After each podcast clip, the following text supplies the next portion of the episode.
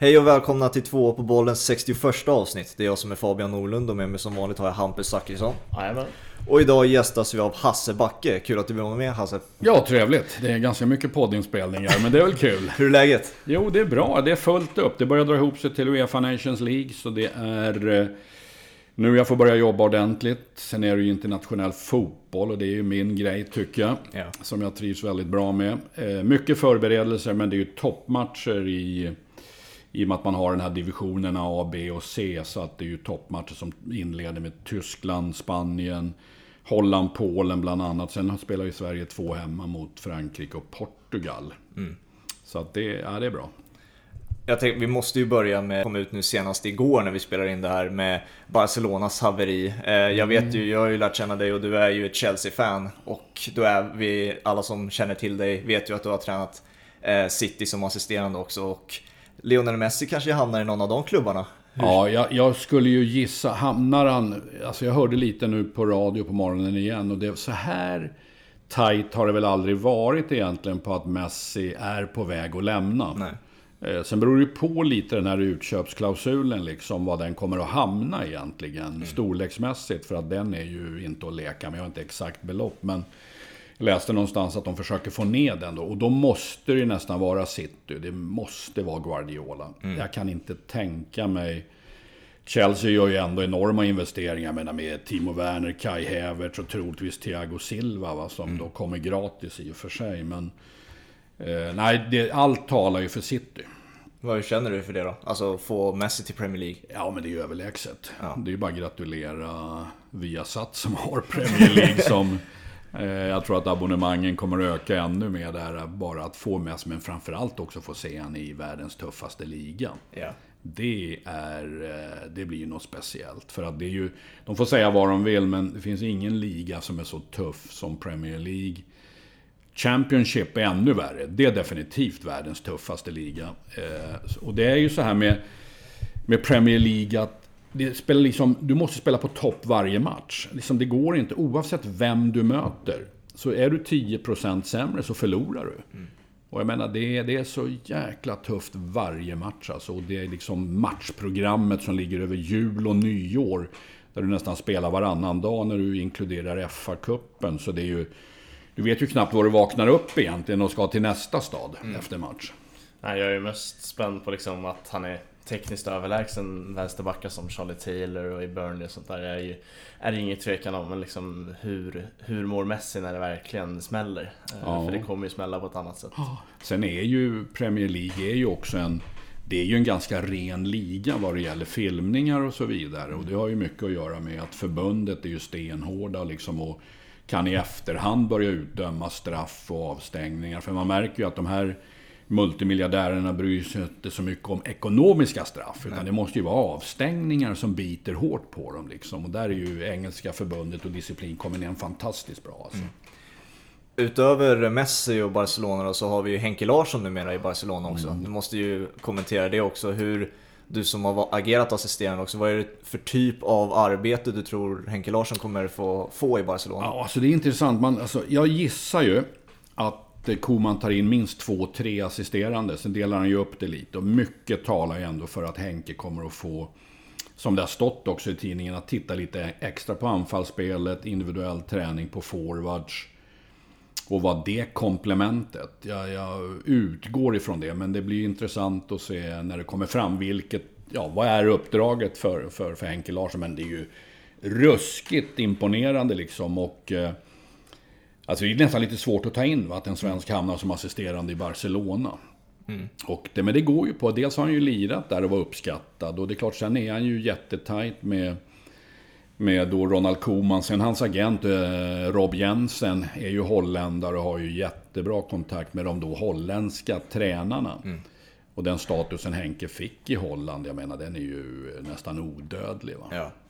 Alltså när du ser sånt där med att Henke Larsson får ett sånt extremt fint eh, jobb ändå. Är det, blir du själv sugen på att gå tillbaka till något assisterande av, på, av något slag? Egentligen inte. Alltså jag känner ju att jag har gjort mitt egentligen. Jag vet ju vad det innebär. Det här är ju sju dagar i veckan. Det är ju i princip dygnet runt alltså. Det, jag har inte den orken riktigt. Sen skulle man få en konkret förfrågan då skulle man ju givetvis eh, fundera och fundera snabbt. Jag tror Henke, som det var för mig med Manchester City när Svennis ringde, liksom det tog 10 sekunder bara att svara ja, liksom att få uppleva Premier League. Yeah.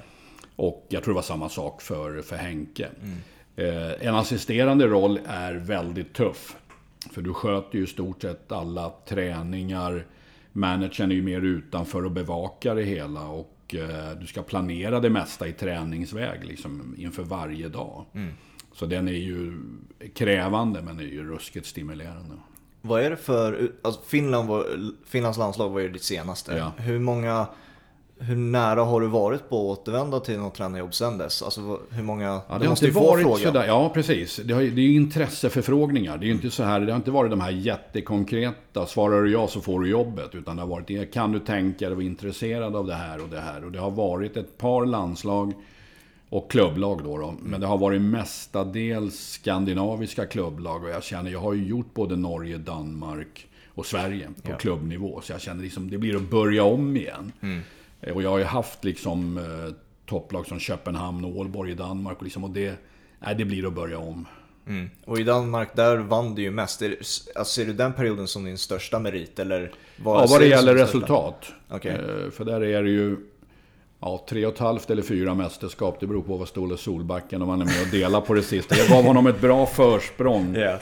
Men jag lämnade då på vintern, jag tror vi ledde med 11-12 poäng. Så jag vet han var lite lack han sa nu sätter du press på mig. Men du har 11-12 poäng så att gå på. Då vann man ju det mästerskapet. Så man kan väl säga att vi har ett tillsammans. Sen har jag, nu ska vi se, jag har tre med Köpenhamn. Jag har ett med Ålborg. Mm. Så är det ju. Som... Eh, Cupvinst också hade vi ju där. Ja. Som storleksmässigt på klubb då, vilken är din största merit? Känner du att vilket lag är den största merit du har tränat? Ja, det är Manchester City. Det Bara så. liksom... Du vet, det kommer inte vara många svenska tränare som får eh, tränarjobb i Premier League. Det, det är nästintill omöjligt. Så mm. det är ju... Det som var det mest inspirerande, det är liksom... Eh, jag menar, det är en nation som lever för fotbollen. Det är ju dygnet runt fotboll i England med enormt med fans på varje träning och intresset är ju enormt. Så att City är ju liksom sportsligt det absolut största. Mm. Eh, resultatmässigt blir det ju Köpenhamn. Och sen kan man säga att även New York Red Bulls var väldigt spännande med tanke på Ja, dels få uppleva MLS, eh, utvecklingen på MLS som bara blir bättre och bättre. Eh, resorna, bara få eh, se hela USA egentligen, var ju en fantastisk upplevelse. Mm. Om vi stannar i Manchester City rent specifikt då, jag tänkte vi kan ju ta Sven-Göran Eriksson först då. Eh, mm. alltså vår generation, min och Hampus, vi snackar ju nästan aldrig om ja. honom längre. Ja. hur skulle du beskriva han som fotbollstränare? Alltså det känns ju som att han är lite bortglömd på ett sätt. Ja, det är synd. Men det är bara vi i Sverige som är odugliga på sånt här. Ja. Alltså, det är fasingen liksom. De nya generationerna har inte koll på de gamla. Kommer du till Italien mm. så vet en tioåring kommer att känna igen Svennis på gatan i Rom. Det lovar jag alltså. Det är enormt vad de liksom kan. Eh, ja, historien så att säga. Och Svennis hade ju framgångarna med Göteborg på början på 80-talet. Och då blir han ju också köpt till Benfica. Får ju dundersuccé, vinner ju ligan, är väl i Europacupfinal med Benfica också. Eh, motsvarande Champions League-final då, då. Och sen då blir det Italien. 13 år i Italien, alltså i Roma, Sampdoria, Fiorentina, Lazio. Där liksom dundersuccén blir ju Lazio. Eh, jag tror de vinner fyra, fyra titlar nästan ett och samma år eller något liknande. Och sen eh, vidare efter det så blev det ju engelska landslaget. Han har jättebra resultat med, med engelska landslaget under fem år. Sen hör han av sig till mig, sen blev det ju City, Mexikos landslag och Notts County tillsammans med honom då. då. Men det är ju Sveriges genom eh, tiderna tycker jag man kan säga framgångsrikast. Även om Nisse Lidholm, då får du gå ännu längre tillbaka i tiden, men flyttade till Italien och var ju en eh, stor profil i Roma under väldigt, väldigt många år. Mm. Tord Griper blir känd som hjärnan bakom Svennis på något sätt. Eh, och han har ju jobbat en del med. Eh, vad kan du säga om honom? Är det någon ja, som slår Tord... honom i fotbollskunnande? Ja, jag gör det. det var ödmjukt. Nej, men eh, Tord har ju varit med Svennis ända sen, jag skulle vilja säga mitten på 90-talet. Så tror jag att Tord hakade på och sen blev det ju Sen har ju de, eh, de är ju liksom dödstajta med varann. Och det är ju ingen tvekan om att Svennis har haft Tord som ett jättebra bollplank rakt igenom. Och Tord, Tord liksom slår man inte på fingrarna vad det gäller fotboll. Han har en väldigt bestämd och tydlig uppfattning och kan argumentera för den. Rakt av. Så har ju varit... Eh, ja, de två är ju jättetajta och ett kanonbollplank för, eh, för Svennis.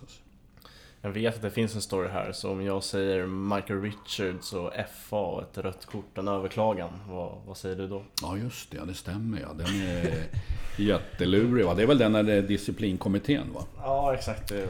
det är väl den han får i röda kortet. Och vi var inte sådär helt inne på hur det funkade. Men du kan ju då överklaga. Men jag kommer ihåg vår assisterande Derek Fasackley. Han eh, sa nej, nej, nej, nej, det är ingen bra idé. För han kunde ju det här med att prova att överklaga liksom. Och det blev ju åka ner till London på måndagen liksom. Och, och eh, det är ju väldigt uppstyrt liksom. Så man går in som i en domstol ungefär. Va? Och jag tror Michael Richards hade fått två, automatiskt två matchers avstängning. Men bara genom överklagandet och kliva ner där så tror de ök dubblare till fyra. Liksom kom inte tillbaks någon mer gång och försök överklaga. Va? Alltså, om du ser tillbaka på, om vi avslutar City-tiden då. Eh, vad skulle du säga är de bästa spelarna, är det de bästa spelarna du har tränat? Först och främst. Ja, jag tycker man, jag måste ta med också i Red Bulls måste jag ändå ta med att bara få möjligheten att få träna Thierry Henry, mm. eh, Rafa Marquez och en liten bubblare faktiskt, Tim Cahill. Mm. Som var i Everton och Australiens Messi, en absolut underbar fotbollsspelare. Mm. Att bara få jobba med en sån som David Beckham i All Star-matcherna. Det. var en fantastisk upplevelse. Det är ett ruskigt A-barn, alltså mm. otrolig karaktär. Sen i city så blev det ju mest... Eh, det blev ju de, alltså det är ju typ Micah Richards som var den stora lovande talangen som alla trodde, eller jag var säker på att han kommer att dominera alltså engelska landslaget i 15 år framåt. Då. Men det blev ju, det gick ju inte riktigt så. Nej. Utan eh, han blev ju utlånad till Fiorentina och det Tyvärr, alltså det är den största talangen jag någonsin har sett 19 år gammal när han också fick debutera i engelska A-landslaget. Var det något fel på karaktären? Eller vad, vad var problemet där? Alltså, frågan är vad det, var, vad det är som kan ha gått snett egentligen. För att han, vi, han hade fått debutera året före i City där de då hade gamla engelska landslagsvänsterbacken Stuart Pearce. Som var manager då. Och sen blev han ordina helt ordinarie hos oss och gjorde ju dundersuccé inledningsvis, kommer med i A-landslaget. Det går jättebra i A-landslaget. Och sen på något men sen fick ju vi sparken efter ungefär dryga året. Mm. Och eh, då, jag vet inte, jag har inte följt det sådär noggrant, men på något sätt så... Ja, det blev mindre matcher, mindre speltid och sen blev det snack om att bli utlånad och så blev det... Fiorentina var det väl, tror jag. Jag tror han hamnade... Ja, jag tror det var Fiorentina. Men nu har jag ju sett att han är en liten form av expertkommentator. Om det är på BBC eller Sky, Sky, Sky Sports. Är det på Sky han är mm. nu? Yes. Så jag blev lite överraskad. Så jag, liksom, jag kan inte se honom som expert. Liksom. Jag ska kontakta honom och fråga hur det där funkar. Alltså, kommer jag få tag i hans nummer? För det har han väl bytt ut. De byter ju nummer en gång i månaden, de där så att, eh... Du, du nämnde där att ni fick sparken där till slut i City. Oftast man hör ett fenomen eller ett begrepp numera när tränare får sparken är att tränare tappar omklädningsrummet eller att, man liksom, mm. att spelarna förlorar tillit till sina tränare. Eh, känner du att det någonsin har hänt under din, några av dina tränarsessioner? Eller har det varit ah, nära någon gång? Jag tror det där är, det där är en, för mig en mediafloskel alltså. Liksom, tappa omklädningsrummet, liksom, mm. vad är det? Så jag, jag bara surar ihop egentligen. för att det det är egentligen att i en trupp på 24-25 spelare så kan det vara att du har trubbel med två. Mm. Men de två är ofta, ska vi säga, fixstjärnorna. Så de har en enorm inverkan på övriga spelare. Ja. Men också på styrelser och sportchefer. Mm. Och då blir det vanliga, då går de ut och säger så här, ja men vi kan ju inte sparka 25 spelare så vi måste ju sparka tränaren. Ja. Men det är faktiskt som så, det är en, två som skapar problemen. Så egentligen köper inte jag alls det här snacket med att att vi inte kan sparka 25 spelare. Då får du skicka iväg en eller två. Mm. Även om det kan vara lite fixstjärnor. Men då kommer ju det här ägaren in och säger du med tanke på de här pengarna jag har investerat på de här två. Så får du nog lösa det här problemet själv. Mm. Men det här med att tappa omklädningsrum. Ja, jag har jättesvårt, jag kan inte känna att jag gjort det någon gång själv, liksom varit involverad i något liknande. Och därför har jag så svårt att köpa det. Mm. Utan för mig är det något mediatrams alltså. Ja, för många säger ju då att det, ska, att det beror på eh, spelidén, att, att spelarna inte litar på tränarens spelidé. Hur skulle du beskriva din spelidé? Ja, det är svårt. Då får vi hålla på i två timmar. Jag, jag tror inte jag har någon spelidé. Jag brukar så här provocera och säga att jag har nog ingen filosofi om fotboll. Jag jag har ingen spelidé. Men jag, eh, jag har ju förändrat den från att ha varit helt stöpt i, i den svenska modellen alla år. Liksom när eh, Svennis, Roy och Bob slog igenom med ett zonspel. Det fanns ju inte i Sverige zonspel alltså på den tiden i slutet på 70-talet. Det spelades markering, det var libero, vi såg allt mot Tyskland. Tyskland eller Västtyskland då spelade alltid med libero-markering. I alla fall i en hel backlinje, men även på mittfältet. Sen kommer de och bara vänder upp och ner på alla begrepp och spelar zonspel. Vad är zonspel för något? Börjar täcka ytor liksom. Och få jätteframgång. Så alla vi i slutet på 70-talet, början på 80-talet som gick och utbildade oss blev ju stöpta i det här. Och det har ju varit framgångsrikt, det har funkat jättebra. Men sen när jag kom utomlands, då började jag förstå, det är en helt annan ska jag säga, lättsamhet till att släppa iväg spelarna friare. Att liksom, det går inte att styra upp på det viset som, som vi gör och som jag hoppas att man inte gör längre på ungdomsnivå, att man styr upp spelare. För det är för mig absolut helt fel väg. Så jag har blivit totalt förändrad liksom vad det gäller att, ja, okej, se till liksom att du sätter ett, ett grundspel i försvarsspelet. Eh, Men det finns utrymme även där för individuella bitar, beslutsfattande som du själv måste göra som spelare. När det gäller anfallsspelet så har jag ju genom åren då blivit sådär totalt, kanske för mycket upptagen av Marcelo Bielsa då. Som jag ser när det gäller anfallsspelet som eh, stenhårda krav, enorm löpkapacitet på spelarna, platsbyten, rotationer i anfallsuppbyggnad. Jag tror ju det är framtiden. Jag ser ju Klopp lite så, till viss del Guardiola, Nagelsmann i Leipzig, Jesse Marsch i Salzburg. De är ju samma koncern, Red Bull, så även New York. Men det beror ju på att ägaren... När jag tränade Salzburg, då var det ett försäkringsbolag som hette Wüstenrot Salzburg som ägde klubben. Och de hade gått jättebra för tidigare hette de Casino Salzburg. Då var det kasinot som ägde Salzburg. Och vi försökte få Mateschitz, ägaren då, till, eh, till Red Bull-drickat att sponsra. Men nej, nej, nej, nej, fotboll är för tråkigt. Det händer för lite. Det är inte intressant. Mm. Och då år och år gick. Och sen var det väl i stort sett 2005 där han ändå väljer att hoppa på. Eh, för han bor ju i Salzburg strax utanför. Och det blir Red Bull Salzburg. Det är ju världskrig med fans och bla bla bla. Att det ska bli Red Bull. Så Leipzig får det bara heta, vad är det de heter? Det står ju RB bara. Rasenbach. Rasenbach, så är det ja. Och, eh, och så New York då, då. Men hans krav var ju för att jag vill ha en upplevelse. Jag vill ha en upplevelse när jag ser fotboll. Jag vill se att det händer mer. Det är för tråkigt helt enkelt. Och då anställer man då, jag kallar han för geniet Ralf Rangnick, som bara sätter sin prägel på de här tre klubbarna. Och eh, det handlar egentligen om en väldigt direkt fotboll utan att det bara är något tjongande. Men det är platsbyten, det är rotationer. Alla är i rörelse. Och så då 2008 när jag är assisterande för Mexikos landslag så möter vi Chile i en träningslandskamp. Det måste vara 2000... Ja, vad är det? Jag inte säger fel. Men det måste vara runt 2008, ja, för vi lämnade City 7. Så möter vi Chile i en träningslandskamp i Los Angeles. Och då är Bielsa förbundskapten. Och jag sitter och säger till Svennis, alltså, nu får man svära lite, vad fan är det som händer? Alltså, det är ju, alltså de bara löper, de bara springer. Ja. Det är ingen som står still. Nej. Nu förlorar vi bara med 1-0 på ett självmål, men är liksom inte med i matchen. Så han byggde ju hela Chiles sätt att spela som jag tycker är helt fascinerande.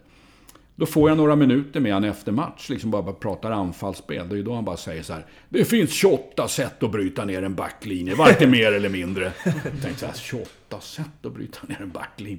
Det är som amerikansk fotboll ungefär. Mm. Alltså där. Men, och sen har jag ju följt honom. Sen skrev ju jag och en eh, kompis, en videoanalytiker, en bok om Bielsas anfallsspel. Mm. Som vi gav ut för ett par år sedan kanske, som heter Rotations and Interchanges. Som blev nummer ett på Amazon. Vi passerade Ferguson under några veckor. Så jag har, en, jag har en skärmdump på det. Inom fotboll då. då så att, eh. Var det runt den tiden du blev så fascinerad över ana, analytisk del av fotbollen? Eller var, fanns det redan innan? Ja, den har, det har ju blivit. Jag tycker ju, nu är det väl så här bara. Det är väl bara att konstatera att man är alldeles för gammal. För när jag ser och pratar med dagens unga tränare så är det så analytiskt alltså. Så jag är nästan så här att ni får inte tappa ögat liksom. Ögat kan ju värdera och se hur mycket som helst. Men det är mängder med statistik.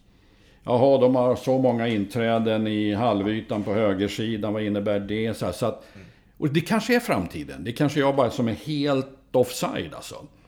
Men jag känner liksom att det blir en sån mängd och så mycket intryck. Så jag känner alltså, jag skulle vilja veta hur mycket förmedlar de till spelarna? För alltså, spelarna kan ju omöjligt ta in allt det här. Va? Det, det känns som att... Oh. Så att... För mig är det lite... Känns det för mycket nu. Mm. Det är liksom... Det är, det är inte greppbart för mig.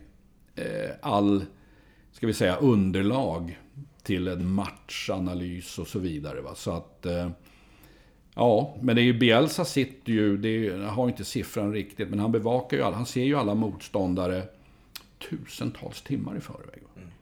Och så frågar du någon som, hur ska du använda det här? Och så, Nej, det kan jag inte. Jag gör det bara för mitt eget intresse. så, så att det är ju, då fick jag ett ganska bra svar. Du sa att du passerade Ferguson en bok, men du har väl också rätt bra facit mot Ferguson? i, eh, på fotbollsplan också? Ja, aldrig torskat. Nej. aldrig torskat Ferguson. Eh, så att det är bra. Två vinster med City. Det var första gången på över 30 år tror jag som City vann bägge mötena med, med United. Och det är ju två... Det är nog en av mina största upplevelser. Eh, andra mötet i februari när vi vinner på Old Trafford med 2-1. För då var det den här jätte hyllningen till de som störtade 58, United-planet. Ja. Och du vet, det var så här väldigt tryckt stämning och kransar in och så här. Uh, nästan mm. som man fick lite rysningar helt enkelt. Men United, ju... United spelade väl också med såna här klassiska ställ? De hade ingen reklam mm, på det? Nej, vi hade också. Det trycktes ju upp. Den la jag fan min tröja, min City-tröja har jag. Eh, jag fick ju Michael Balls tröja, vår vänsterback. Och då stod det, då var det liksom, eh, det stod eh, Manchester Remembers, mm. stod ju på tröjan och så vidare. Så bara för, ja du, är det drygt halvår sedan så ringde en kompis och frågade om inte jag kunde lägga ut den på någon auktion mm. Eh, för det är nog för, för covid-19 var det nog banne med alltså. Okay. Så den, det var någon lirare som köpte den här i Stockholm. Mm. Det var massa matchtröjor som lades ut. Mm. Så jag stod i val och kval. Ska jag släppa den där tröjan från City? Alltså, för att efter matchen fick jag den av Michael Ball. Då, så att, men jag gjorde det i alla fall. Mm. Eh, jag tänkte, ett annat begrepp som diskuteras mycket inom fotbollen är ju eh, Alltså när spelare numera hyllar sina tränare är det mm. oftast att han är så extremt bra på man management. Mm. Alltså Jörgen Klopp är ju väldigt känd för att vara väldigt bra man management. När du själv tränade, hur mycket fokus la du på att lära känna dina spelare och så vidare? Och, för det är ju en helt annan aspekt och en helt annan faktor mm. när du tittar på det analytiska och det tränarmässiga. Liksom. Jag har väl sagt genom åren att det kanske rent av är avgörande mm. eh, idag. Jag tror att, eller idag, men det har i alla fall varit att du måste kunna hantera spelarna. Och glöm det svenska millimeterrättvisa. Det går inte att ha millimeterrättvisa. Du kan inte hantera Thierry Henry lika som vår vänsterback i, i New York Red Bull. Det går inte. Nej. Men du, jag har lagt, och det är ju Svenny som mycket ligger bakom. Det fan är fantastiskt på just det här med relationer till spelarna. Mm. Eh, jag anser att det är super, super viktigt. Och jag lägger nog, jag ska nästan säga att jag lägger mest tid på det, men det är snudd på. Mm. Men då under träningar, liksom alltid försöka ge varje spelare någon form av kommentar under varje träning, vad det än kan vara. Alla vill bli sedda, alla vill bli uppmärksammade och jag tror liksom att du, du bygger en väldigt stark harmoni, lagkänsla om du arbetar så. Sen har vi ju än en gång då ytterligheten, Bielsa. Pratar ju enligt uppgift i princip inte med spelarna. Nej. För att, men han går ut och säger liksom att ah, jag grejar inte det. Jag tycker det är liksom, jag klarar inte av att ställa över spelare eller att sälja någon liksom. Det är det värsta jag vet. Ja. Eh, och det funkar ju bra det också, för han har ju då andra delar som säkert tar över relationen eh, till spelarna. Så att, men jag, jag anser att det är superviktigt. Så mig, vi är nog alla olika individuellt givetvis, men jag gillar ju ändå att ha ett bra surr med spelarna. Men det är inte så att jag så att säga, ringer på kvällarna och sitter och snackar och så vidare. Jag gör ju allt det här runt träningen. Mm. Jag går ju inte ut och käkar med spelarna eller något sånt där. Där går min gräns så att säga. Utan allt snack får vara runt träningarna egentligen. Alltså. Ja, känslan var väl att det var också lite därför Pontus Jansson fick lämna Leeds. För att han ville gärna ha ett, liksom ett, ja, ett snack med tränaren utöver bara fotboll. Det kan det, vara det alltså? Ja, jag tror att det hade, att någonting med det hade att göra. Men sen var det också fint att se när Leeds nu tog sig upp. Eh, såg jag klipp från eh, efterfesten där och Bielsa kramade om spelarna varmt och gott och det är en sida man inte har sett av Bielsa. Ja, exakt. Jag tänkte på det här också. Vad är det som händer ja. nu? Vad är det som händer? Börjar han bli mänsklig? Men, jag ska... Men vad glad han var, vad glad han var. Liksom. Och det är som du säger, spelarna hörde honom och han gick och kramade om spelare. Så det var ju jäkla läckert att se då. Mm. Alltså, det, det, här med man management att du tar dig tid, det, det stämmer ju till 100% och det är ju, är ju eh, det, det, är en story jag måste dra om dig. Alltså, det är ju liksom, det har inte jag berättat för dig Hampus. Det är, alltså, för några veckor sedan då så tränar jag och Hasse en grupp eh, eh ungdomar i fotboll. Drygt 30 stycken och eh, eh, ja, vi spenderar kanske tre timmar med dem eh, under dagen. Liksom. Och eh, jag kanske lär eh, mig 25 namn på, av de här 30 efter, från måndag till fredag.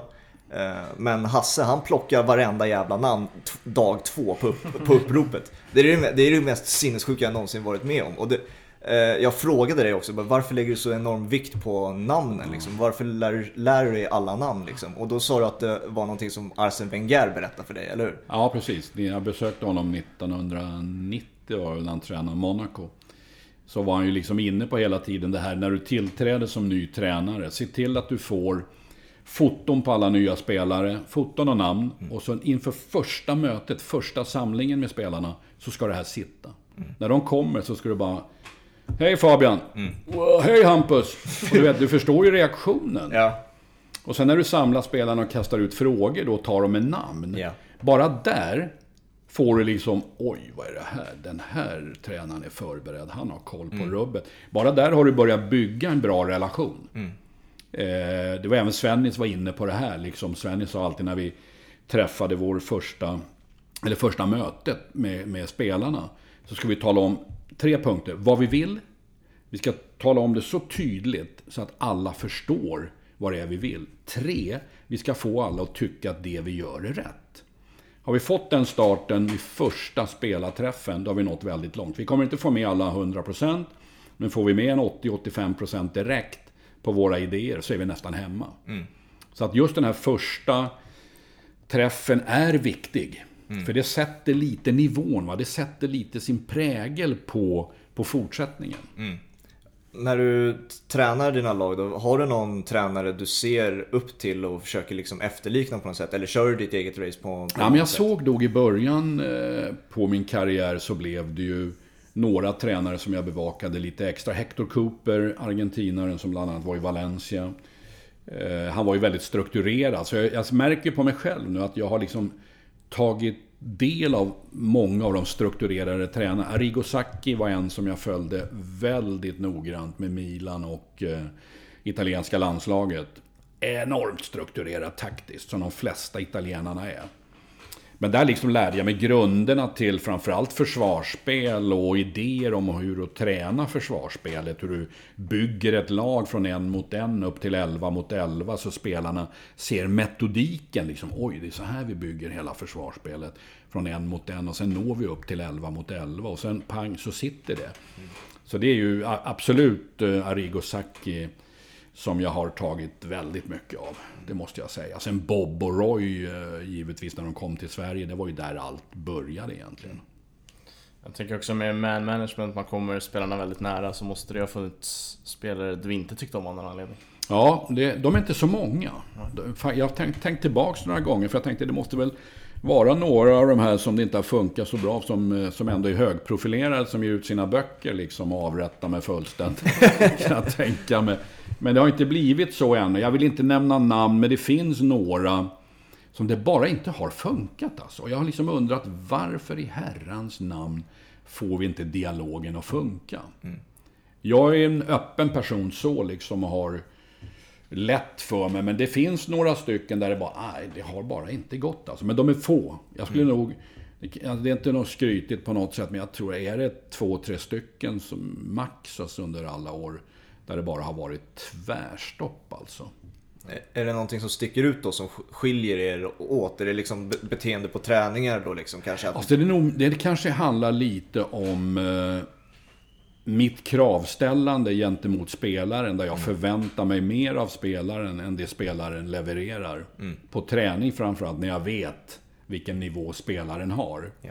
Och det har liksom alltid irriterat mig. Men jag har ju lärt mig utomlands att de här spelarna finns ju. Det är ju sådana egon idag. Mm med alla pengar de tjänar, de kan straffa ut sig själva bara genom att gå och flyta omkring och förstöra träningar. Mm. Så ringer agenten, vi vill byta klubb. Mm. Jaha.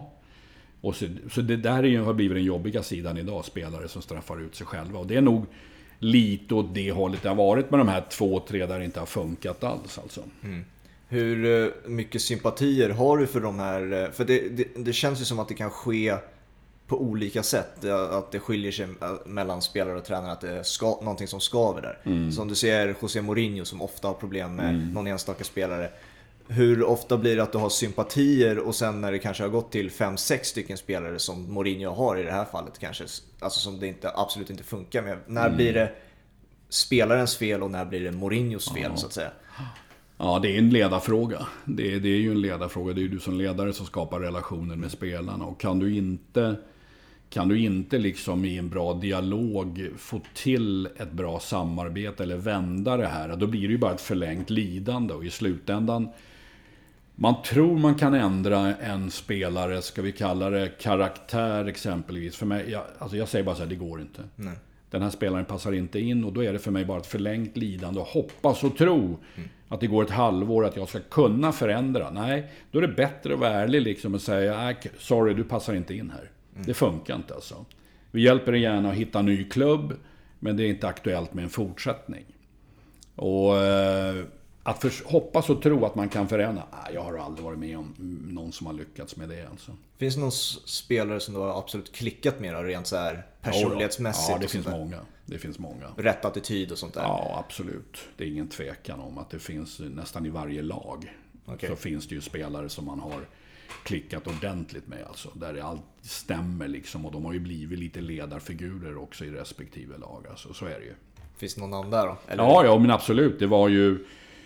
Eh, typ när jag tränade, om vi, jag kan inte, ta, minnet är taskigt, men går man tillbaks till eh, Danmarkstiden i Ålborg när vi köpte, eh, köpte hem Ståle Solbacken från eh, Wimbledon. Han är nu tränare i FC Köpenhamn, har varit mm. i snart i 100 år. Eh, men där klickade det ju direkt vad det gäller kravverksamhet på träningar, eh, matchförberedelser, alla sådana här bitar.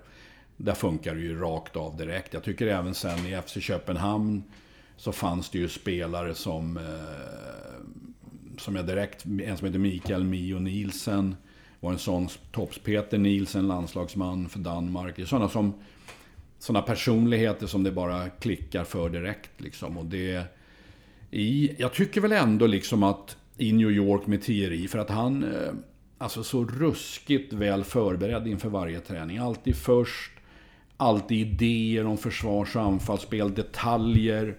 Så på något sätt klickade det, för vi hade ju en kontinuerlig dialog liksom om vårt spelsätt. Mm.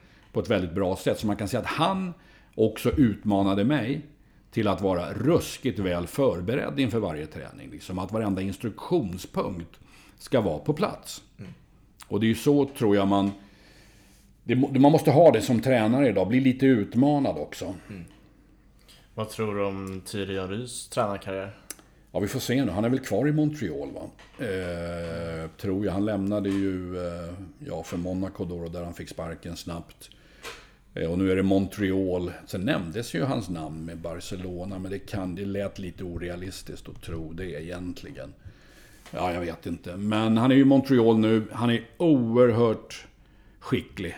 Alltså jäklar vad små detaljer och idéer individuellt då om försvars anfallsspel. Så att jag tror ju absolut, det skulle förvåna mig om han inte får en bra tränarkarriär. Alltså. Mm. Det är mycket som talar för det. Vad, det är såklart, det spelar det är ju olika från spelare till spelare såklart, men vad tycker du om fenomenet att de här eh, tidigare spelare, de här tidigare legendarerna tar över de här stora klubbarna mm. som Solskär, Lampard, eh, så kommer jag inte på några fler namn bara för det, men det, det, är liksom, det har ju blivit... Zidane. Ett, ja, Zidane. Vad tycker du om det här eh, nya sättet att eh, anställa tränare på. Inga meriter överhuvudtaget. Andrea Pirlo, ett, mm. i, senast nu i Juventus, har inte tränat eh, en seniormatch i hela sitt liv, ja. men tar över Juventus. Hur, hur ser du på, på den förändringen? Det är ingen självklarhet att du är bra spelare blir bra tränare. Nej. Absolut inte. Men det jag tror de gör nu som exempel då när Pirlo hamnar i Juventus så har ju han en jättestatus. Alltså det är en enorm respekt gentemot Pirlo från de övriga spelarna. Och bara där då med tanke på hur egoismen ser ut bland spelare idag, mm. så känner ju de, jaha, vem ska kunna lära oss något? Ja, Pirlo, mm. världsspelare, han kommer. Sen är det ju för Pirlo att anställa de bästa assisterande tränarna, de skickligaste. Ja. Så att det handlar ju om att omge sig, att kunna hitta staben runt omkring dig. Mm. Sen är Pirlo kanske bara den som går och surrar med spelarna och de lyssnar ju, oj oj oj, säger Pirlo det här, då är det sant. Mm. Ja. ja, men det är ju så. Det blir ju så. Det är ingen som ifrågasätter egentligen Zidans, tror jag, snack med spelarna i Real eller Pirlos, som du säger. Mm. Så att, men det är ingen alls någon självklarhet. Men de här stjärnspelarna som har noll bakgrund som tränare, säger vi. Mm. De måste se till att de har en supervass stab. Mm. Då, då, är du hemma. Då funkar det. Jag tänker vi går över till lite mer eh, generella frågor, eh, specifika. Om vi säger så här, Ronaldo eller Messi för dig? Messi. Varför? Ja, men det finns ingen bättre. Det är så det är bara, till och med där kan jag använda statistiken. Han ska, han ska ha Guldbollen varje år. Guldbollen varje år ska han ha. Det är larvigt att ge någon annan Guldbollen. Mm. Han är helt överlägsen när du tittar på passningsspel, assists, mål, allt. Mm. Då är han ute längst ut på den här radarn. Då ligger eh, Ronaldo inne lite som en femkrona längst in. Jaha. Faktiskt är det så. Mm. Det är helt otroligt. Så du är inte för det här med att man ska vinna kollektiva troféer för att vinna det individuella? Oj, det där var en svår fråga. Där får du ta en gång till. alltså, många... Man har ju sett en trend nu när man utser världens bästa spelare, Ballon d'Or. Ja. Då får man ju ofta det priset om man har en fantastiskt individuell säsong med kollektiva ja, troféer. Ja. Eh, och som det är i det här fallet, nu kommer vi inte delas ut någon Ballon d'Or i år. Nej. Men Messi vann ingenting med Barcelona Nej. den här säsongen. Eh, tycker du oavsett då, oavsett eh, vad han gjort med laget, att han ska vinna Ballon d'Or. Det är därför det blir så fel egentligen med priser hit och dit. Liksom, ja. Vilka kriterier är det som ska gälla? Det gäller, gäller ju alla utdelningar vad det än är. Mm. Och det kommer alltid vara liv och bråk om vem, varför får han det och varför får hon det? Allt sånt här. Så ibland så har jag väl blivit lite mer motståndare till individuella priser, till kollektiva idrotter, till lagidrotter. Mm. Men beroende på kriterierna, men skulle man titta då lite statistiskt på vad de här har gjort, eh, Ronaldo, Messi nu i år och så vidare och säkert några andra spelare. Jag tror ju att man på något sätt måste ha vunnit titlar mm. med, med, laget för att liksom ändå kunna, för att troligtvis är också statistiken inte lika bra. Nej. När du inte har vunnit eh, kollektivt titlar, så du faller även på det. Jag gissade att det är så. Mm. Och jag, jag, skulle nog säga att rent spontant så skulle jag nog säga nej men laget måste ha vunnit titlar. Mm. Faktiskt. Går du helt tom ett år så nej, ska du verkligen vara med och få, eh, och få Ballon d'Or då? Nej, det tycker jag inte. Hur rankar du bäst genom tiderna då? Du har ju även fått se Ronaldo-fenomen och i hans, eh, som vi har missat liksom i hans... Mm. Brasse Ronaldo. Brasse Ronaldo, ja, Maradona, liksom vad, Ja, men jag tror man ska göra så här, det är jättesvårt. Tittar man på bäst genom tiderna så ska man, tror jag man ska ta decennium för decennium, tioårsperioder. Mm. För det är jättesvårt att gå tillbaks. Men går du tillbaks till, eh, 50-60-talet så, så är det ju Pelé. Tittar du på 70-tal, ja, vad hamnar du där med för spelare? Säkert några. Tyskland var ju oerhört dominerande. Du har Johan Cruyff, skulle jag vilja säga. Det där är för mig, Johan Cruyff kanske är den jag skulle sätta först. Okej. Eh, dels som spelare, men dels det han gjorde som tränare i Barcelona. Hela idén om anfallsfotboll, eh, ska vi säga risktagande, våga ta risker i anfallsspel och så vidare. Mm. Så är Cruyff för mig en riktig förebild. Sen har du Maradona då på 80 och 90-tal. Eh, som är absolut snudd på eh, oslagbar också som, som spelare. Det var en enorm upplevelse att bara se honom. Eh, jag hade ju fördelen att få, få bevaka Argentina inför VM. Just jag säger rätt här nu då. Vad var det för VM? Var det 90 i Italien? Så jag följde ju Argentina och Skottland väldigt tajt. Mm. Jag har ju fått se en live en hel del då. Så det var det enorma upplevelser. Det är ju... Under VM i 90 också så är det... Så ska jag, då är det VM alltså. Så ska jag analysera... Ja, det är Argentina igen. De möter... Sovjetunionen hette det väl då. Det har ju inte blivit Ryssland. I Neapel, när han har lämnat Napoli. Mm. Och alltså spikat på arenan. Och då menar jag fullspikat. Så kommer Argentina upp för att värma. Ingen Maradona. Bara, och publik, det blir bara fan dödstyst. Medvetet så kommer han ungefär en 50 meter efter upp på tunneln. Då ser man kameran komma in i tunneln. Du, att den där arenan står då och inte rasar ihop. Det är fullständigt bisarrt alltså. Alltså det mottagandet Maradona får när han kommer tillbaks till Neapel. Alltså gudarnas gud. Det är helt... Ja, det är en sån upplevelse som man... Oj, oj, oj, oj, oj. Mm.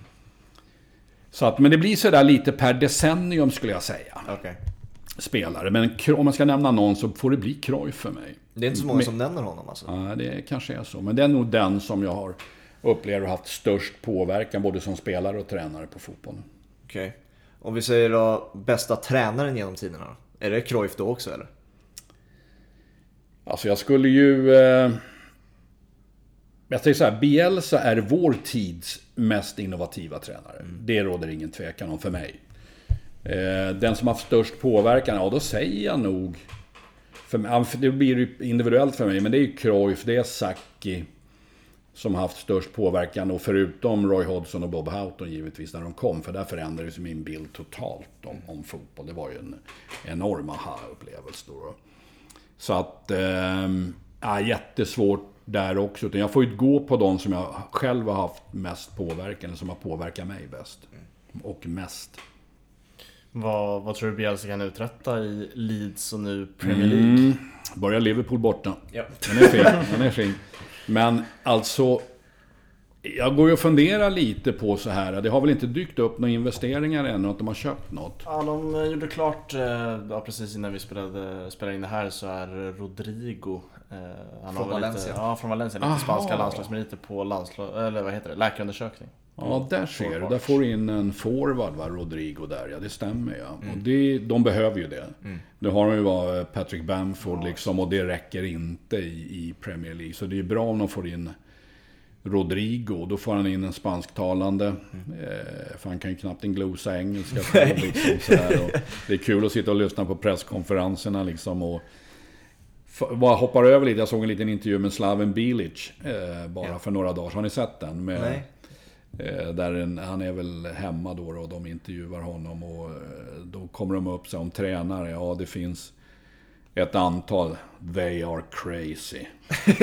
Bielsa, Klopp, Guardiola. Men det är för att det är de som jobbar mest av alla. De jobbar hårdast, de jobbar eh, mest av alla. But they are crazy.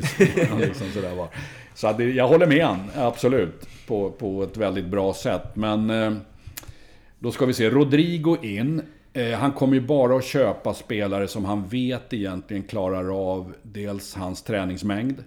De har ju aldrig upplevt något liknande i, i Leeds vad det gäller. Jag tror Liam Cooper, mittbacken, sa att eh, Ja, hur är det här med försäsong med Bielsa nu? Ja, jag vet inte. Vi ses klockan åtta och jag är hemma klockan åtta på kvällarna. så här. Med, eh, och han går ju emot alla principer. Liksom två dagar efter match när alla vilar, då kör de intervaller. Ja. Löpintervaller, punkt slut. Så det är intressant, för myten finns ju där och det är säkert, det är ju forskat givetvis kanske att kroppen är som mest sliten två dagar efter match. Men det är ingenting som bekymrar Bielsa. Dagen före match, liksom intensiteten på träningar. Jag vet Pontus Jansson sa liksom fredagsträningen. Alltså man trodde sig, jag kommer inte komma ur sängen lördag morgon och spela match. Nej. Men säger, jag har aldrig varit så bra tränad i hela mitt liv. Nej. Aldrig. Så att det är ju... Det blir jättespännande att se. De spelar en, en eh, fotboll som är en upplevelse eh, att se. Med tanke på hur de löper, intensiteten, risktagandet, hur man skickar iväg antalet spelare upp i anfallsspelet. Mm. Jag tycker det är underbart att se. Jag hoppas att det blir en, en vettig säsong, att de kan bli ett mittenlag eller något liknande. Eh, förhoppningsvis.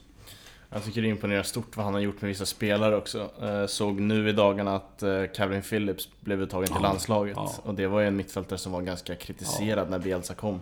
Eh, Och nu är han med i landslaget. Stuart och, Dallas uttagen till Irlands landslag.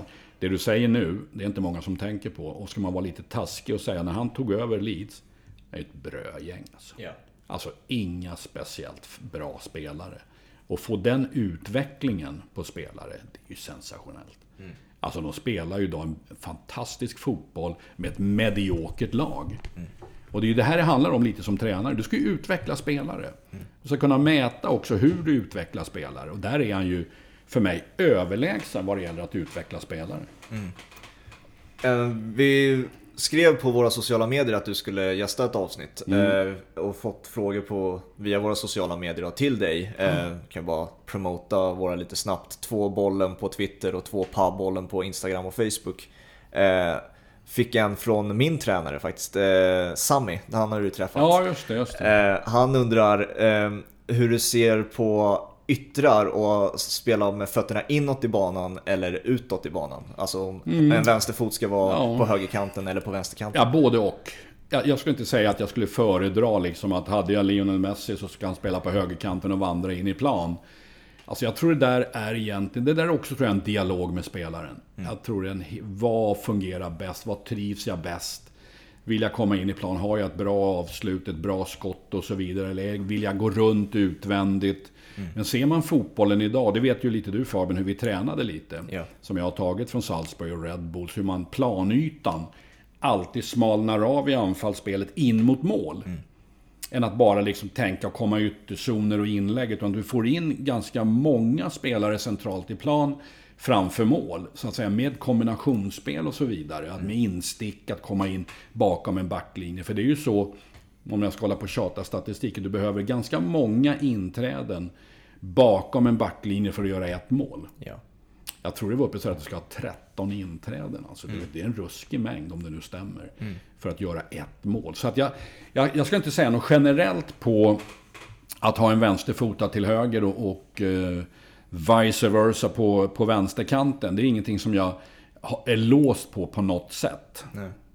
Jag, jag tänker vi, av någon anledning så får det mig att, när vi snackar offensiv och problem med offensiv så kommer jag att tänka på AIK. Och vi måste ju ta svensk fotboll. vi har ju en AIK här i Hampus och eh, då är Det sitter ju en här också. Ja, exakt. Du Sen barnsben. Jag började spela i AIK när jag var 12 år tror Ja, jag. men du, och du har ju till och med tränat AIK Mm. också. Eh, måste ju vara vad du, hur du ser på den här säsongen och Norling först och det här Atalanta-försöket och sen sparken och så Mm. liksom Ja, nu är de, de är ju ett bottenlag numera. Mm. Hur ser du på AIKs situation? Ja, jag tycker det bara är så synd egentligen när en svensk tränare vill prova någonting nytt. Försöka vara innovativ, liksom förändra lite runt svensk fotboll, komma med någonting nytt. Och, det här, och då är det för mig, nej, nej, nej, nej. Ni måste ju leva med, det här är ju en process. Det är klart det kommer ta tid med 4, 5, 18, 19, 20-åringar satsa på eget. Det, som det, det, kändes, det är ju rätt väg. Men det är klart, sen går ju drevet efter ett antal matcher när man inte får resultat. Och så alldeles för snabbt så sågar man det här, sparkar tränare och så går man tillbaka, så är vi tillbaka i det svenska. Och liksom det, men det för mig är det att titta på Europacupspelen. Mm. Djurgården, jag vet inte, vi får se Hammarby vad de gör. Eh, Malmö är ju de som ändå då har någorlunda fått till det emellanåt. Alltså. Men att in, det är ju någonting man måste ifrågasätta då. Varför får vi inte till det mer liksom? Eh, när det gäller internationellt. Och det, jag tycker det är så synd eh, när någon tränare provar något nytt. För mig idag, eller förra säsongen, jag ska erkänna, jag har sett noll av Allsvenskan i år. Okay. Absolut noll. Eh, och det kan jag väl säga, jag tycker inte det är speciellt bra. Liksom, det ger inte mig någonting.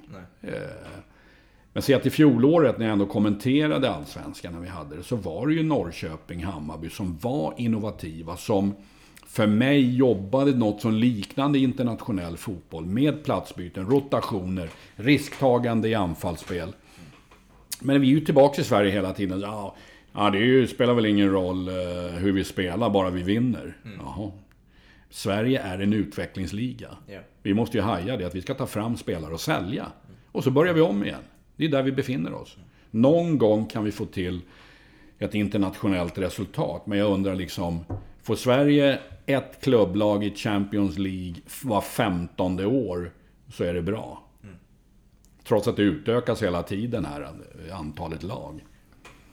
Ja, jag tycker det är extremt svårt att veta vad man har AIK nu för tiden. Eh, Norling visste man vart, de hade, vart man hade Gnaget men eh, blev ju blev inte så bra. Eh, trots att han fick så, liksom, borde väl kanske fått längre tid. Eh, men sen nu har det ju känslan att det har blivit som du är inne på att det, så här, det spelar ingen roll hur vi spelar, vi ska bara vinna matcher. Mm. och ett jättebra fönster av Henrik Jurelius men det är också ett fönster där det skriker att vi ska bara rädda kontraktet. Eh, sen får vi se mm. hur det blir efter. Så det är väldigt svårt att veta vart man har. Jag tycker det är synd, det är därför jag bara ska kolla AIK Hockey nu. Det är vad jag ska börja bevaka. ja, där har jag faktiskt eh, säsongskort för tredje året i rad. Mm, det är bra. AIK Då ses vi där, då ses vi där på Hovet alltså. Du har ju tränat, du, vi var ju inne på det när du och jag pratade om Stockholmsklubbarna. Uh, du är den enda tränaren som har tränat alla tre Stockholm, mm. stora Stockholmsklubbar. Hur skulle du skilja kulturen mellan de tre klubbarna? Ja, den är... Man kan säga, jag går med då på det sportsliga. Ja. Och typ för mig är det liksom att Hammarby är den lättsamma klubben, och var i alla fall, men där du får en upplevelse. Där myten faktiskt finns att de som kommer och ser oss ska få en upplevelse. Ser det till AIK och Djurgården, oh, resultat, resultat, resultat. Så den skillnaden tycker jag är ganska klar för mig. Mm. Mellan de här tre klubbarna. Och eh, jag tycker, när jag skrev på för Hammarby, det var ungefär samma snack liksom. Mm. Ja, fan, du vet Putte Ramberg och Hasse Holmqvist, vet du, de måste ju få slå sina tunnlar. Och, eh, det var lite det surret. ja liksom, så det är ju en, en annan, och du ser ju lite ändå att de snittar väl nästan 25 000 nu i Allsvenskan. Liksom. Mm. Och åker de ur så har de ändå en enorm publikmassa eh, som följer laget. Mm. Du får en upplevelse. Mm. Och du får inte samma upplevelse med AIK och Djurgården. Nej. Det, men det kanske gör det lättare då att förändra Hammarby till det här ja. mer progressiva fotbollsspelandet som Absolut. du var inne på. Liksom. Absolut. Att förändra det i Djurgården och AIK, det är, liksom, det ja, det är så synd. Det är så synd tycker jag när man när man provar någonting nytt. För det är ju genomtänkt säkert det AIK gjorde och Rickard var inne på. Sen är det så synd tycker jag liksom att, att det kommer ut att det är någon Atalanta-variant. Liksom, för du får ju käka upp det liksom. Nej, fan hålla på och kopiera Atalanta. Du har ju inte de spelarna och det blir bara nästan ett hån. Så att, att just det kommer ut. Det skulle liksom aldrig ha kommit ut någonting om att ja, jag har följt Gasperini lite där, vet du, i Atalanta. Och, för jag tror liksom det blir nästan så att man skjuter sig själv i foten om, om det går dåligt. Mm. Jag tycker också när vi snackade om Bayern att de får en upplevelse så jag tycker det märks att det har liksom mycket nya Bayern när de kom upp i Allsvenskan och spelade en väldigt rolig fotboll, vad det nu är. Eh, men liksom nu när det har gått lite trögt, man har sett folk på Twitter liksom klaga över resultaten. Mm. Men då har också folk slagit tillbaka, så, så här, mm. vet vilket lag vi hejar på liksom. Mm. Men det är som du säger, så här, vad är rolig fotboll? Men för mig är det ju upplevelse, antal skapade chanser, att du ser risktagande, att det är offensivt balanserade lag. Mm. Om du tittar spelare för spelare, oj. Det vet jag Laban Arnesson, gamle förbundskaptenen, sa till mig. Du har ett lag nu, sa han. Sen sätter du upp till 100% då på varje spelare. Så börjar du titta på högerbacken. Ja, så här, fan var 20% offensiv, 80 def. Och så gör du så på varje spelare. Och så slår du ihop allt. Och så får du se liksom hur din, hur, vilken balans du har på laget. Mm. Det var lite intressant. Jag brukar leka med det här ibland och se var man hamnar. Vi gjorde någon sån analys om det var VM 90 eller 94.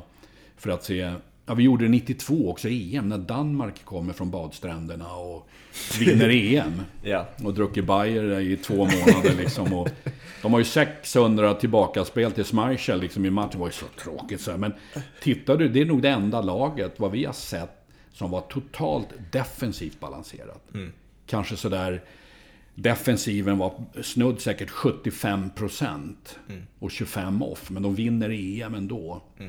Eh, 92 helt sensationellt va, på det viset. Men, och Mikael Laudrup hade tackat nej till landslaget. Det var konflikter, liksom storstjärnan och... Men eh, det är lite kul att göra en sån... Det skulle ni kunna göra. Gör det på ditt lag, på Sumpan. Så här, vad har vi? Ja, mittbackarna, det är fan 20 off. De är på några fasta kanske och lite annat. Och Det är 80 def. Och sen börjar du titta på fältets balansering. Off, def och forwards. Vi, Ja, gör någon något bra hemjobb? Är det 90-10 offensivt på våra forwards? Så får du slå ihop allt det där. Så det är lite småroligt att säga, jaha, det är, vi är alltså defensivt balanserade. Det är därför vi inte får några resultat. Och då om de är så defensivt balanserade då, hur mycket anpassning måste du göra då som tränare? Alltså, jag hörde en intervju med Mourinho när han sa att jag, jag anpassar mig alltid efter den spelartrupp jag har. Och därefter kommer min eh, spelidé mitt spel, och min formation och så vidare. Eh, till skillnad från kanske en Pep Guardiola som oavsett vilket lag han tar så ska det vara possession, possession, possession. Alltså vad, vad är rätt approach? För att det känns ju som att det blir en svår Ja, ja, balans. för mig är spelarmaterialet helt avgörande. Liksom. Hur kan jag använda det här spelarmaterialet bäst? Vilka spelartyper har jag? Men ser man lite till internationell fotboll idag, sen tittar du på två centrala mittfältare. Det är ju inte så att alla lag liksom känner att ah, vi måste ha en balansspelare, en defensiv som ligger framför mittbackar och, och rotar och har sig. Det är många som har två, tre då, om man spelar med tre centrala offensiva spelartyper. Bollskickliga typer. Och du, du kan ju inte ta bollen ifrån dem Nej. de tre centralt. Alltså. Så det gillar jag ju idag att se. Att man skulle våga spela med tekniskt skickliga, löpstarka centrala fältare. Som inte är brunkarna helt enkelt och bara ska sparka ner folk. Va? Så hur ser du på en... jag kommer ofta tillbaka till Mourinho för att han är den mest kända varianten vi har på den här lite mer negativa fotbollen om man ska Mm. uttrycka det lite slarvigt. Liksom, väldigt, han står ju lite för att sparka ner en spelare om Ja. det behövs li- lite. Ja, Jag tycker det blev för mycket med honom efterhand. Det var inte så i början, men efterhand har det blivit liksom... Det har blivit för strukturerat, för defensivt, eh, för... Ska vi kalla det tråkiga spelare som startspelare. Ja. Jag får liksom ingen upplevelse att se det. Jag tycker liksom... Ja, det har bara blivit liksom destruktivt. Han har inte anpassat sig oftast kritiken för den moderna fotbollen. Ja, men är det, det, det, rätt? tror, nej, det är så här mediatrams igen. Det är, klart att han, det är klart att han är uppdaterad. Det är klart att Mourinho vet vad det handlar om. Det är, de skulle säga liksom att ja, han har tappat det nu. Liksom, han hänger inte med i utvecklingen. Det är bara skitsnack. Det är klart att han är enormt uppdaterad vad som händer i internationell fotboll. Då, då. Det är jag helt säker på.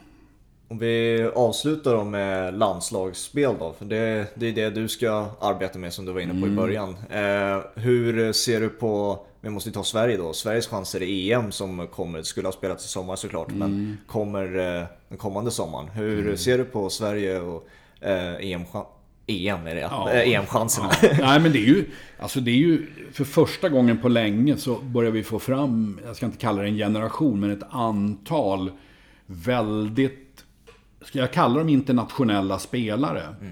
Eh, som, gör, som jag tror att kommer att ge Sverige större möjligheter.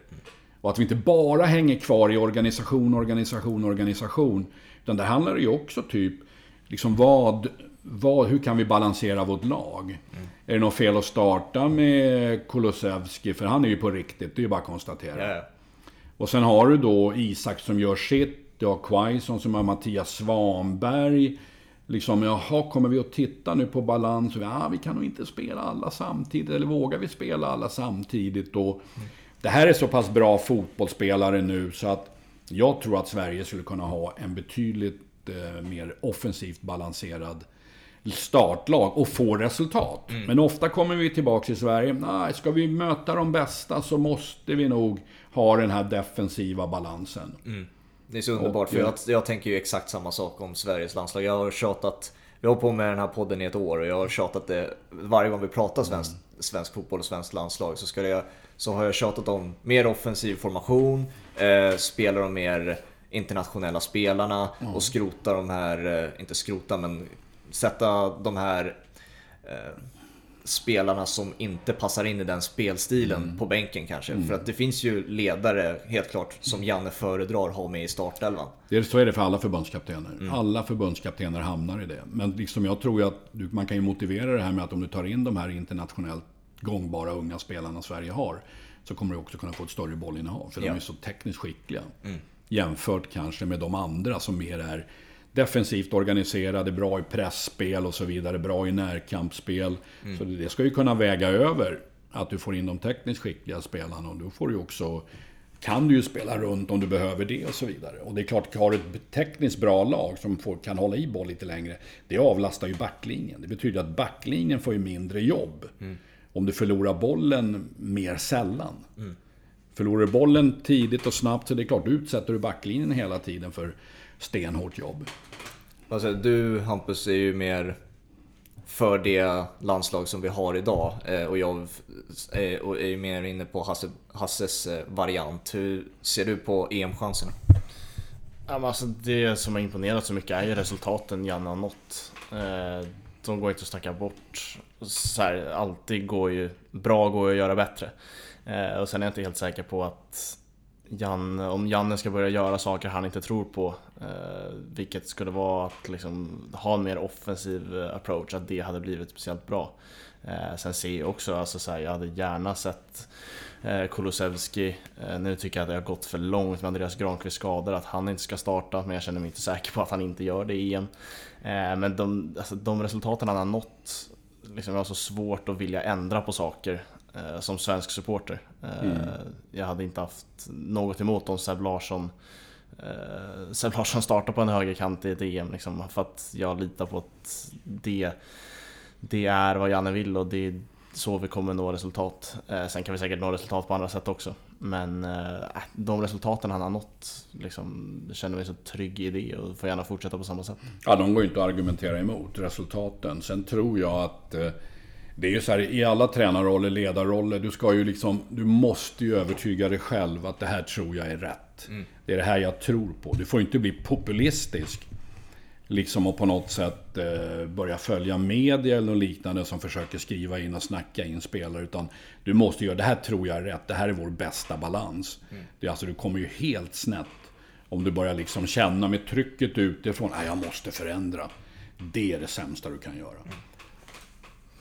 Jag måste avsluta med en liksom, taktisk fråga som jag ofta tänker på. Det där med målvakter i eh, upp, eh, uppbyggnadsspelet. Eh, jag ser helt klart uppsidan med att målvakten ska vara bra med fötterna. Men jag gillar inte, och jag vet att Jocke Persson i Varberg nu, han har ju sagt att ni kommer inte få se Varberg spela, spela en inspark liksom, i eget straffområde. Den ska upp och det ska vinnas bollen där, för då där släpper vi inte in några mål. Eh, jag ser uppsidan med att målvakten ska ha mycket boll i fötterna eh, och har sett liksom positiva, positiva sidor med det. Eh, men jag gillar det inte. Och då tänker jag bara, vad, vart står du i att målvakten nu för tiden gärna ska vara lika bra med händerna som med fötterna? Ja, det, jag tror det är viktigt att... Eh, det är lite så här egentligen redan när vi tränade City. Att Andreas Isaksson hamnade på bänk. Mm. Eh, helt, skulle jag nästan vilja säga, beroende på fötterna. Och vi valde Joe Hart. Eh, bra med fötterna, två bra målvakter. Men typ i England också med det pressspelet som är. Där det blir ett antal tillbakaspel till en målvakt. Då måste du ha bra fötter. Alltså, annars blir det bara pannkaka av allting. Nya trenden med två mittbackar inne i straffområdet. Motståndarna står vid straffområdets linje. Du väljer att spela kort. Det är ju bara de absolut spelskickligaste lagen som kan göra det. Liksom, annars utsätter du dig helt enkelt för att släppa in de, som jag kallar det, enkla målen och hamna i underläge på grund av det här. Mm. Du måste ha alltså en fyrbackslinje som är otroligt skicklig med fötterna. Du måste ha en eller två centrala mittfältare som liksom kan ta emot boll i hur trängda lägen som helst, alltså långt ner på egen planhalva och vilja ta de riskerna. Men du, du måste vara så bekväm som spelare individuellt. Liksom att ha den här självförtroendet bara. Det spelar ingen roll om jag som mittback får en en mot en situation. Då dribblar jag väl forwarden då. För man kan ju ändå säga så här att forwards, det är ju de sämsta försvarsspelarna som finns. Ja. Så det är ju konstigt om inte en mittback skulle kunna dribbla en forward som tjurrusar och ska pressa. Så, så bekväm, är, är du så bekväm som försvarsspelare, då skulle jag kunna tänka mig att man vill ibland ha, men det måste ju vara en variation på anfallsuppbyggnaden. Och du märker ju snabbt, men jag ser ju några ex- exempel som dyker upp, om det var Inter som med Conte som spelade sig hela vägen fram och gjorde mål. Den här, och det är klart, det är ju fantastiskt att se då. Men det är ju till och med Red Bull-lagen, och de har ju skickliga backlinjespelare, börjar ibland spela så här. Men då kan man säga att ett ord som aldrig får användas i Red Bull-fotbollen, det är bollinnehav. Just det, det berättade du för mig. Det är förbjudet ord. Possession är förbjudet. Fullständigt förbjudet. Så du kan liksom typ vända en gång i backlinjen, sen ska bollen framåt. Om det är via fält eller forwards, spelar noll roll egentligen. Och de drar ju in sina spelare, typ om vänsterbacken har bollen så kommer ju hela högersidan in. För att du kan ju förlora bollen och sen handlar det om återerövring. Skitsamma, då vinner vi, vi tar risker. Då vinner vi lite högre upp och så pang åker vi därifrån. ja. Och det är därför för mig det här har varit en, en intressant fotboll för mig att se. För den är händelserik. Och den leder till väldigt mycket chanser. Löp utan boll där liksom man mentalt accepterar som mittfältare får. Jag får väl löpa 30 gånger innan jag får bollen. Men jag ska ta löpen. För att öppna upp mest. Bollhållaren ska få tre, fyra alternativ varje gång. Han ska inte få ett alternativ. utan Tre, fyra ska bollhållaren få konstant. Och det, jag tror ju det är framtiden. ja, vi knyter ihop säcken där vid framtiden helt enkelt. Stort tack att du ville vara med Ja, Hasse. tack själv. Eh, Får hemskt gärna gästa igen. Ska vi dra våra sociala medier en gång sista Ja, du drog ju dem där ett tag. Snyggt. Det var länge sedan eh, du drog våra sociala medier. Men eh, Instagram och Facebook är två på bollen och eh, Twitter två bollen. Så kör vi vidare med ja, lite quiz och lite roliga inslag sådär. Så hörs vi nästa vecka igen så får ni så bra så länge alla som har lyssnat. Så hörs vi snart igen. Ciao. Ciao!